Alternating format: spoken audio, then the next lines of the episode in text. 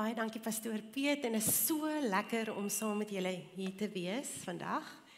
En ehm um, ja, om net tyd met julle ook te spandeer. Ehm um, ek het groot geword in hierdie area. So ons ons is altyd bekend met die gemeente. So baie baie welkom vanoggend. So ek wil vanoggend begin deur te vra dink aan een of twee persone in jou lewe wat 'n groot impak op jou lewe gemaak het. Iemand wat regtig 'n lewende veranderende impak op jou lewe gemaak het. Sê miskien vir die ou persoon, vir die persoon langs jou, wie is daai persoon? Wie is daai persoon wat regtig waar jou lewe verander het? Nou baie van ons ehm um, ouers hierso sal sê die persoon wat op die oomblik jou uitdaag op elke vlak van jou mens is seker jou kleuter of jou tiener. en ehm um, So maar ons kry mense wat in ons lewens inkom wat werklikbaar ons uitdaag op ons menswees en en wie ons is.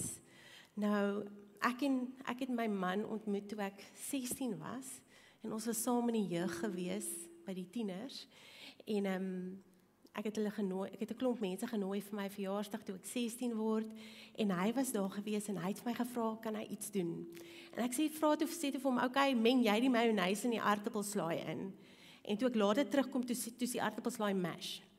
Nou van toe af het ons ons paadjie saam begin en nou 28 jaar later kan ek sê dat my man was regtig waar een van daai persone in my lewe wat wat my lewe kom verander het wat wat ehm um, diep inspraak het in my lewe. Maar hy's nie die enigste persoon nie. Ander persone is mense soos mentors, my ouers, vriende, um, leiers en selfs vyande het gekom en my lewe kom vorm en my uitdaag op 'n diep vlak van my menswees. Nou daar's een storie in die Bybel van 'n vrou wat so 'n ontmoeting gehad het. 'n Ontmoeting met 'n persoon wat haar lewe heeltemal kom verander het. En dis die die storie van die Samaritaanse vrou of die vrou by die put. Nou hierdie ontmoeting het haar kom uitdaag op elke vlak van haar menswees. Dit het dit het haar kom verander op so 'n manier dat haar lewe nooit ooit weer dieselfde was nie. Haar lewe was getransformeer van daai oomblik van daai ontmoeting af. Maar ehm um, verder voordat ons verder gesels hier oor, kom ons lees eers saam en ek lees vir ons saam uit Johannes 4 vers 4 tot 31. So as jy jou Bybel het, kan jy oopmaak daar of jou selfoon, ehm um, of jy kan sommer maar net kyk. Ons gaan lees uit Johannes 4 uit. Nou hy wat Jesus is, het deur Samaria gereis. Hy kom toe op 'n dorp in Samaria wat Sigar genoem word. Dit was naby die stuk grond wat Jakob aan sy seun Josef gegee het. Die put van Jakob was daar geleë. Jesus het toe omdat hy regtig uitgeput was van die reis, so by die put gaan sit en dit was omtrent 12 uur die middag. 'n Samaritaanse vrou kom toe daaraan om water te skep. En Jesus vra haar: "Gee vir my asseblief water om te drink." Sy disippels was toe nog in die dorp om kos aan te koop. Die Samaritaanse vrou sê te vir hom: "Hoe op aarde vra jy wat 'n Jood is van my wat 'n Samaritaanse vrou is water om te drink. Jode wou immers niks met Samaritane te doen hê nie. Jesus het daarop gereageer. As jy maar net die gawe van God vir jou geken het en geweet het wie dit is wat met wat vir jou vra, gee vir my water om te drink. So jy hom gevra het en hy sê vir jou die lewende water gegee het. Die vrou sê te Jesus: "Meneer, jy het nie eers 'n skepting nie en die put is diep. Waar kry jy die lewende water? Jy is beslis nie belangriker as ons vader Jakob wat hierdie put vir ons gegee het en self saam met sy seuns en sy diere daai uit gedrink het nie." Jesus antwoord haar: "Elkeen wat van hierdie water drink, sal weer dors word. Wie egter van die water drink wat ek hom sal gee, sal nimmer as te nooit weer dors word nie. Die water wat ek vir hom sal gee, sal 'n fontein in hom word waarvan die water vir altyd sal bly opborrel. Die vrou sê te hom: "Meneer, gee vir my van hierdie water sodat ek nie weer dors kan word nie en nie hierheen hoef te kom om water te skep nie." Hy sê vir haar: "Gaan roep jou man en kom dan terug hiernatoe." Die vrou sê dadelik gereageer: "Ek het nie 'n man nie." Jesus beamoed dit toe. "Jy het reg gesê, ek het nie 'n man nie, want jy het reeds 5 mans gehad en die een wat jy nou het, is eintlik nie jou man nie. Dit wat jy gesê het, is die waarheid."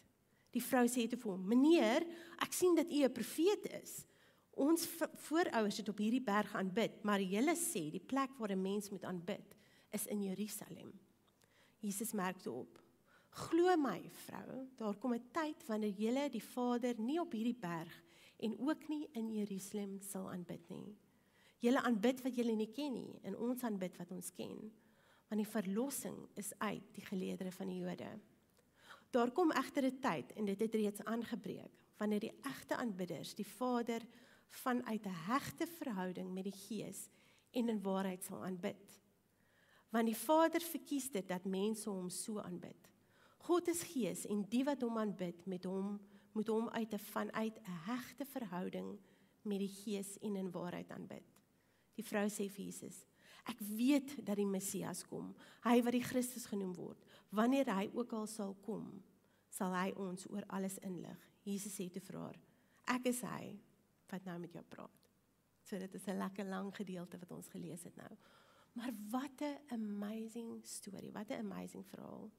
En as ons dink aan die lewe van Jesus en die evangelies en al die ontmoetings wat Jesus met mense gehad het, het Jesus 'n ongelooflike manier met mense gehad.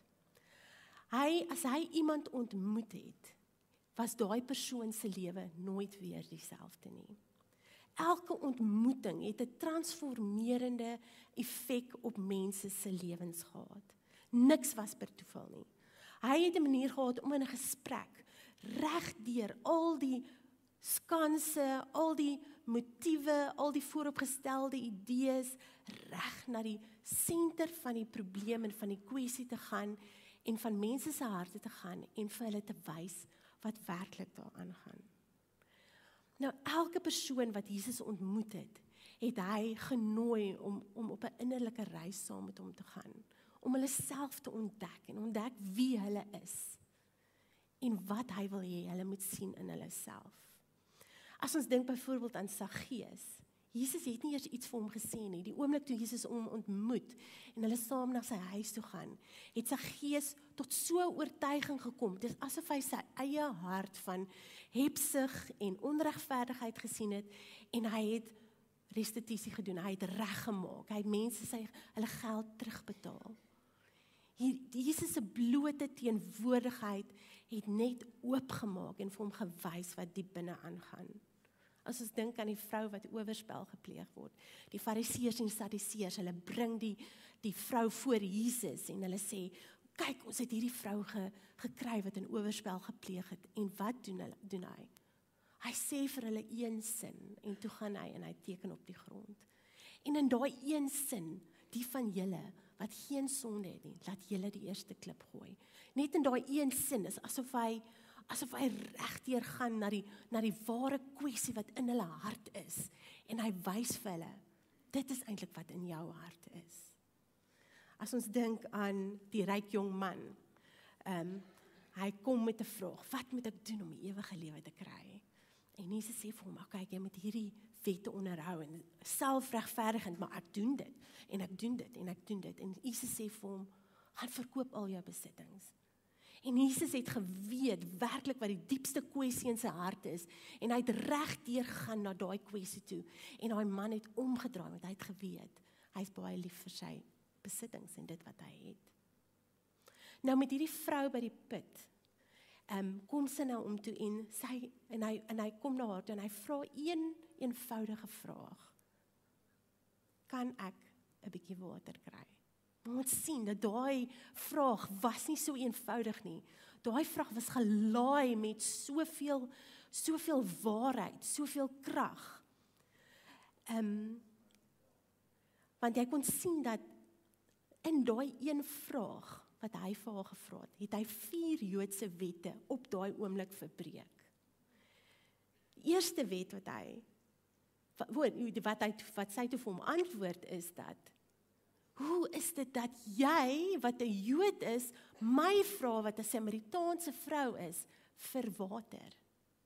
En in daai verbasing sien ons sy weet wat hy nou gedoen het. Op daai oomblik net om haar te vra vir water was transformerend dit was iets wat ongehoord was.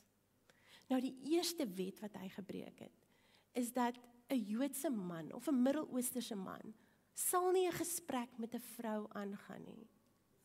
Hy sal nie, want dit is die gebruik. Nou, ons het jare lank in Turkye gebly en tot nou onlangs wat ons in Turkye gebly het, het ons geleer jy as vrou praat nie met 'n vreemde man nie. En as jy met 'n vreemde man praat, dan kry jy iewers 'n punt waar jy fokus. Jy maak glad nie oogkontak nie. Jy fokus iewers hier bo op sy kop of hierso op sy bors, maar jy sal nie oogkontak met daai man maak nie. Want in 'n Midde-Oosterse tradisie of in 'n Oosterse tradisie om oogkontak met 'n man te maak is baie uitlokkend. So selfs tot nou toe, dis ongehoord dat jy met 'n man of, of dat 'n man met 'n vrou sal praat wat nie sy vrou is of sy dogters is in publiek nie. So die tweede wet wat hy breek of die tradisie wat hy breek is die feit dat sy 'n Samaritaan is. Nou ons weet en in die skrifgedeelte sê dit ook, Jode het glad nie met Samaritane omgegaan nie. Hoekom nie? Nou dit het 'n lang geskiedenis wat omtrent 700 voor Christus alreeds gebeur het. Die Israeliete is in ballingskap weggevoer deur die Assiriërs en ehm um, daar het 'n klein bietjie Jode nog agtergebly in die stad.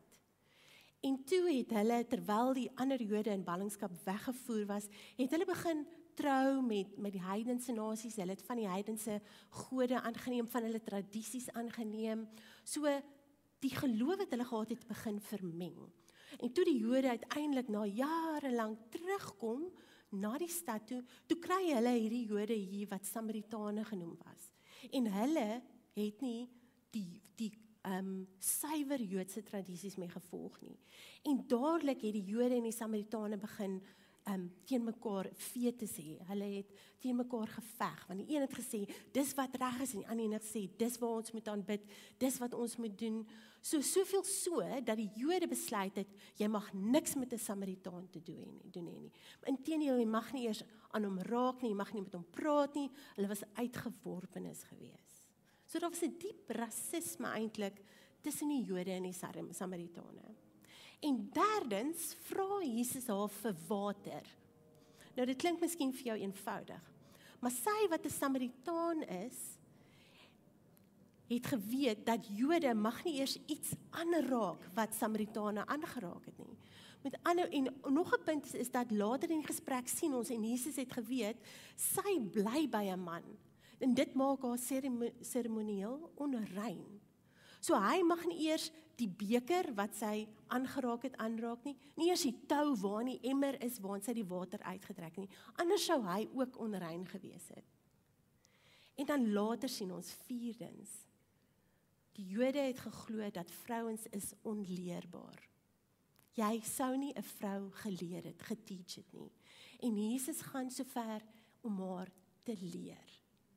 So ons sien hierso kom Jesus en hy en hy hy breek al hierdie tradisies, al hierdie wette om met haar 'n gesprek aan te gaan. Sy kom na hom en sê sy sê vir hom, "Besef jy wie is ek? Ek is Samaritaan, ek's 'n vrou. Besef jy wie ek is?" En Jesus ignoreer ignoreer daai vraag heeltemal. Hy antwoord dit nie eers nie. En hy sê vir jou vader, weet jy wie is ek? As jy net geweet wie ek is. Hy breek deur al daai skanse, daai struikelblokke wat tussen hulle lê en hy sê, weet jy wat dit maak nie vir my saak nie. Maak nie vir my saak wie jy is nie. Weet jy wat ek vir jou wil gee? So, ek wil graag julle nooi. As ons gaan praat oor die vrou by die put. Wil ek julle nooi om 'n bietjie te dink aan jou ontmoeting met Jesus. Jesus nooi haar om op daai oomblik op 'n innerlike reis saam met hom te gaan om haarself te ontdek en om te ontdek wie hy is en wat hy vir haar wil doen. So as ons praat vandag dan praat ons oor hoe lyk jou ontmoeting met Jesus? Wat staan tussen jou en Jesus vandag? Jesus kom en hy nooi ons na 'n dieper lewe.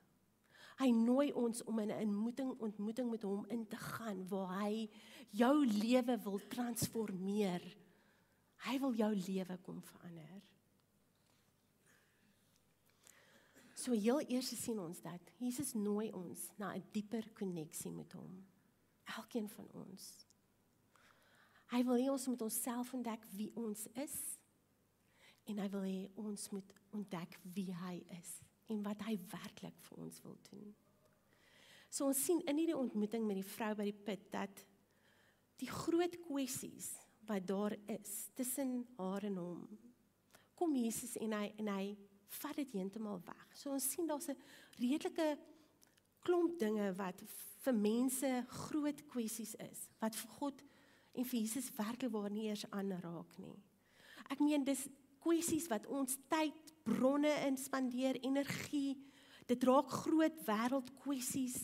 Dis soos rasisme, seksisme en godsdienstige voordeel. Ek meen ons hou seminare daaroor, wette word geskryf daaroor en Jesus kom en ons sien in hierdie verhaal en in die Bybel dat Jesus spandeer nie eers sy tyd daaraan nie. Want vir hom is dit eenvoudig 'n non-issue. Jesus kom en hy bring die evangelie aan Samaritane en heidene en hy sê maak nie saak wie jy is, wat jou geloof is, wat jy glo nie. Ek wil hê jy moet deel van die koninkryk wees. Hy praat in Romeine van die groot geheimenis. Die groot geheimenis is die feit dat almal deel van God se koninkryk kan wees. Maak nie saak wie jy is nie. Jesus kom en hy gebreek geloofstradisies en geloofstatus. Nikodemus kom na hom toe. En hy's in die middel van die nag, hy sluip, hy kom na Jesus toe want hy wil nie hê die ander fariseërs en en wetsgeleerdes moet sien dat hy wat 'n baie belangrike man is na Jesus toe kom nie. En Jesus sê vir hom, hy vra vir Jesus, "Wat moet ek doen om die ewige lewe te hê?" Jesus sê vir hom, "Boetie, ek gee nie om wie jy is nie. Ek gee nie om wat jy glo nie. Ek gee nie om hoe belangrik jy is in die kerk nie. Jy moet weergebore word. Dit is nie vir God belangrik hoe belangrik jy is nie. Ons sien goeie soos geslags kwessies dat Jesus kom en hy eer en hy respekteer vroue. Ons sien vir Maria wat by Jesus se voete sit en leer. Ons het nou net gehoor dat dat Jesus leer vroue wat absoluut teen die tradisie van daai tyd was. Hulle raak sy disippels. Hulle raak later leiers in die kerk. Maak nie saak wat jou geslag is nie. Jy het 'n plek in die koninkryk van God. Ons sien sosiale status en rykdom maak vir Jesus nie saak nie, die ryk jong man, jong man wat na Jesus toe gekom het. Jesus sê vir hom, ek gee nie om wat jy besit nie, hoeveel geld jy het nie, dis nie vir my belangrik nie. Kom en volg my. Saggeus, Matteus, die Fariseërs, die man aan die kruis, maak nie saak wat daar tussen jou en Jesus kan staan nie. Die vraag is nie wie is jy nie. Die vraag is weet jy wie hy is? Weet jy wat hy vir jou kan gee? En weet jy dat hy beter as jy weet wat jy nodig het? Die vrou by die put het nie geweet wat sy werklik nodig het nie. Jesus sê vir haar, as jy geweet het wie ek is, sou jy gevra het vir lewende water. Sy het nie eers 'n bewustheid gehad wat haar diepste nood en haar diepste begeerte is nie. Jesus weet wat jou diepste begeerte is, beter as jy. Hy weet wat jy nodig het, beter as hy. Jesus gaan deur al daai skanse, al daai struikelblokke wat tussen ons en hom staan en hy sien dit.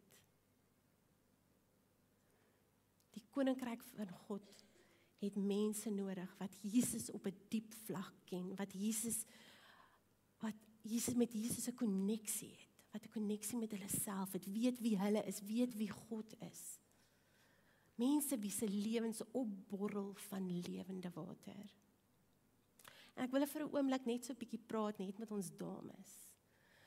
Dit is so belangrik dat elkeen van ons 'n diep koneksie met Jesus moet hê.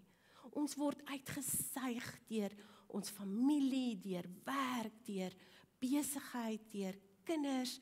So ons word getap, daar's soveel wat van ons gevra word. Dis so nodig dat ek en jy vandag 'n diep koneksie met Jesus moet hê. Dat ons onsself moet ken. Dat ons moet weet wie ons is en dat ons moet weet wie God is. God roep ons om uit ons oppervlakkige lewe te kom na 'n ewige lewe, na 'n oorvloedige lewe, sodat ons kan gee, sodat ons kan gee vir ons mans en ons kinders, ons man en ons kinders. ja, een is genoeg. God wil hê dat jy 'n bron moet hê waar jy kan gee. Tweedens wil ek sê dat Jesus se teenwoordigheid roep ons na 'n dieper vlak van heiligheid en aanbidding. Jesus het haar verlede en haar sonde geken, haar verwerping en haar seer. En hy het die feit dat sy 5 maande gehad het nie opgebring om haar te verneder nie. Dit kan miskien so klink. Sjoe, 5 maande. Maar weet julle in daai tyd kon 'n vrou nie 'n man skei nie. Net mans kon vrouens skei. So sy was 5 keer verwerp gewees deur 'n man. 4 keer verwerp, 5 keer, 4 keer verwerp en die 5de keer die man wat by haar is wil nie eers met haar trou nie. Hy wil nie eers 'n kommitment maak aan haar nie. So Jesus het by haar gesit en gesê, ek ken jou pyn, ek ken jou verwerping, ek sien waardeur jy gaan. Nog steeds sit ek by jou en ek bied vir jou die ewige lewe.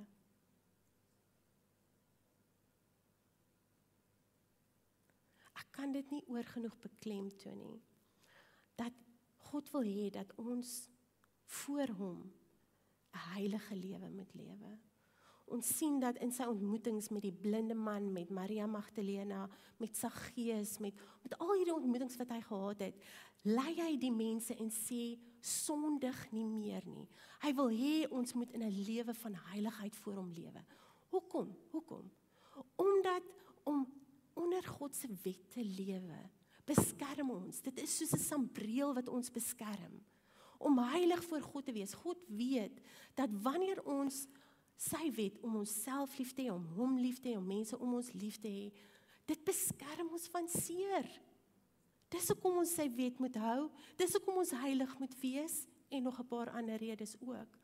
Maar hy weet wanneer jy heilig voor hom is, beskerm dit jou teen seer kry, teen pyn. En dan sien ons in hierdie gesprek met met haar lei Jesus haar na 'n plek van van dieper aanbidding. Hy sê vir haar: Ek wil jy met my in gees en waarheid aanbid. Vers 23 sê daar kom 'n tyd en dit het reeds aangebreek wanneer die egte aanbidders die Vader vanuit 'n hegte verhouding met die Gees en in waarheid sal aanbid want die Vader verkies dat mense hom so aanbid.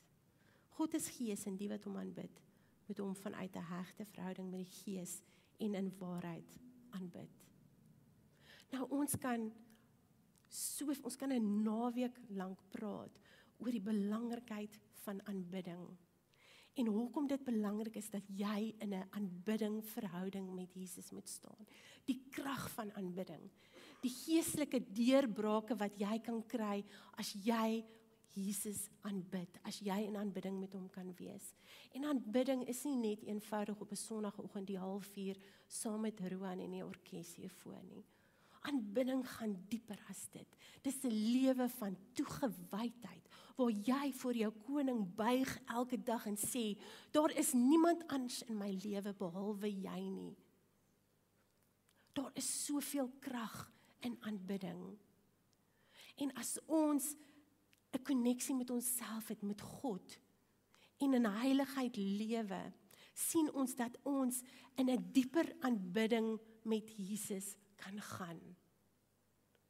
Daar is niks wat ons siel satisfy soos aanbidding nie. Niks nie. Daar's niks wat jou gees aanraak soos aanbidding nie. 'n Lewe van aanbidding maak jou vol. Daai leë kol wat jy binne jou voel, daai emptiness, daai leegheid, dit word volgemaak deur aanbidding. Wat staan in ons pad van aanbidding? Ons is besig. Ons is konstant besig. Ons maak nie daai tyd van aanbidding met hom nie. Veral ons vroue, ons breine is mos heeltyd aan die gang. Analiseer, dink, doen dit, doen daai. God roep ons na 'n lewe van aanbidding en diep koneksie met hom. Omdat hy weet ons het 'n behoefte hierna. Dis kom hy dit vir sê. Ek weet jy het 'n behoefte aan aanbidding. Ons is gemaak om te aanbid. As ons dink aan die storie van Martha en Maria, dan sien ons hoe Martha besig was, op en af, op en af. Huis, kos, skoonmaak, gaste, werk. En sy sien dat Maria by Jesus se voete sit en sy raak kwaad. En en Jesus sê vir hom: "Martha, Martha, jy kwel jou oor so baie dinge. Daar's regtig net een ding wat nodig is om oor besorg te wees." Maria het dit ontdek en ek gaan dit nie van haar wegneem nie. Het jy al daai soete plek van aanbidding met Jesus ontdek? En vroue, laat ek vandag vir julle sê en mans ook, as Jesus opdaag, dan los jy alles waarmee jy besig is en jy gaan sit by hom. As Jesus opdaag, dan los jy alles want daar sal altyd wasgoed wees, daar sal altyd werk wees, daar sal altyd e-mails wees, daar sal altyd kliënte wees. Daar sal altyd kinders wees wanneer jy moet omsien of mense. Maar as Jesus na jou toe kom en en met jou 'n koneksie wil hê, dan los jy dit. En jy gaan hê jou aanbidding met hom.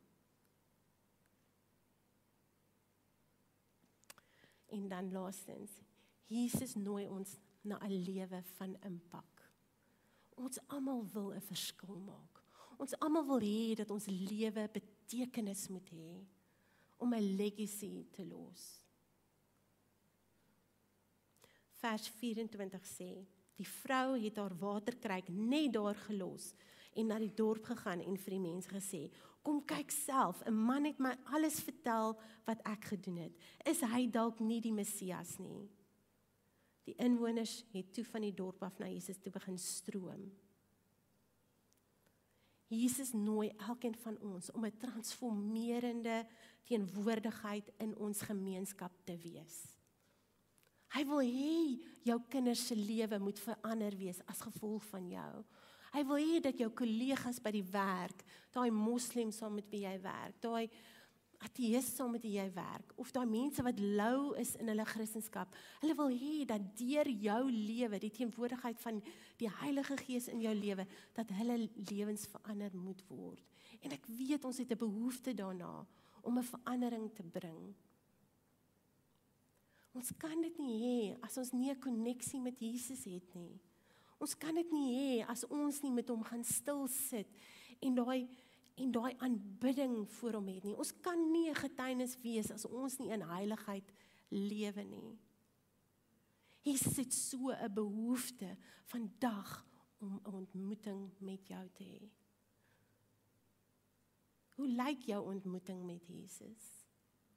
Want Jesus wil deur alles breek wat binne in jou is, alles wat tussen jou in hom staan en hy wil 'n impak op jou lewe maak sodat jy 'n impak op ander mense se lewens kan hê.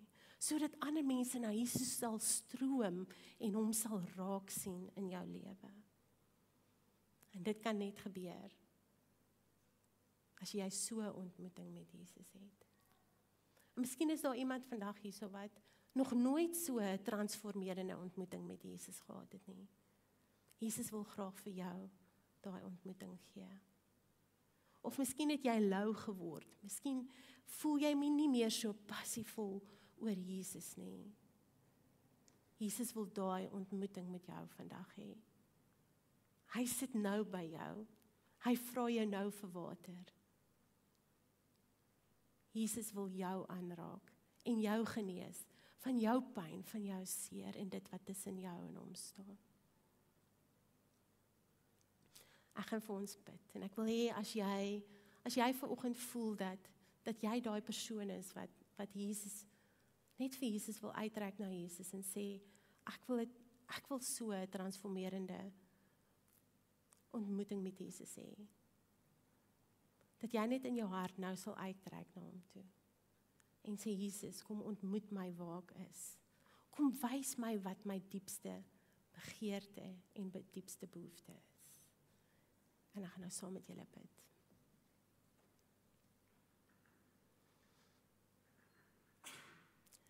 Jesus, U is net amazing. Ons ons kan net vandag net opkyk na U toe en sien hoe U teenwoordigheid kom en mense se lewens verander. sien Jesus hoe U kom deur U eerlikheid en deur die Gees en ons lewens verander. Jesus ons kom gee alle alles wat tussen ons staan. Kom gee ons net vandag vir U en vra dat U sal skoonmaak, dat U sal regmaak, dat U sal heel maak. Daar waar daar daar waar daar pyn is, daar waar daar seer is, Here. Jesus, soms weet ons nie eers hoe nodig ons U het nie. Help ons dat ons U sal ontdek in ons ontmoetings met U. Jesus, ek wil bid vir die volgende week, Vader, dat U elkeen van van van my vriende en broers en susters wat vandag hier is dat u ontmoetings met hulle sal hê. Ontmoetings vroeg voor die werk, in hulle kar op pad werk toe by die huis, in die aand voor hulle gaan slaap, Here, dat dat hulle u sal ontdek en ontmoetings met u sal hê. Vader, ek wil bid dat u gees en u teenwoordigheid in hulle sal wees, sal opborrel, sal oorvloei, Here dat hulle sal ervaar daar's lewende water binne hulle. Jesus, ek wil bid dat elkeen sal ervaar dat hulle word volgemaak in hulle tyd met U. Dat daar niks meer leegheid is nie, maar dat U hulle begeertes en hulle behoeftes kom volmaak vandag. Raak elkeen van ons aan vandag. En ek bid dit in Jesus naam. Amen.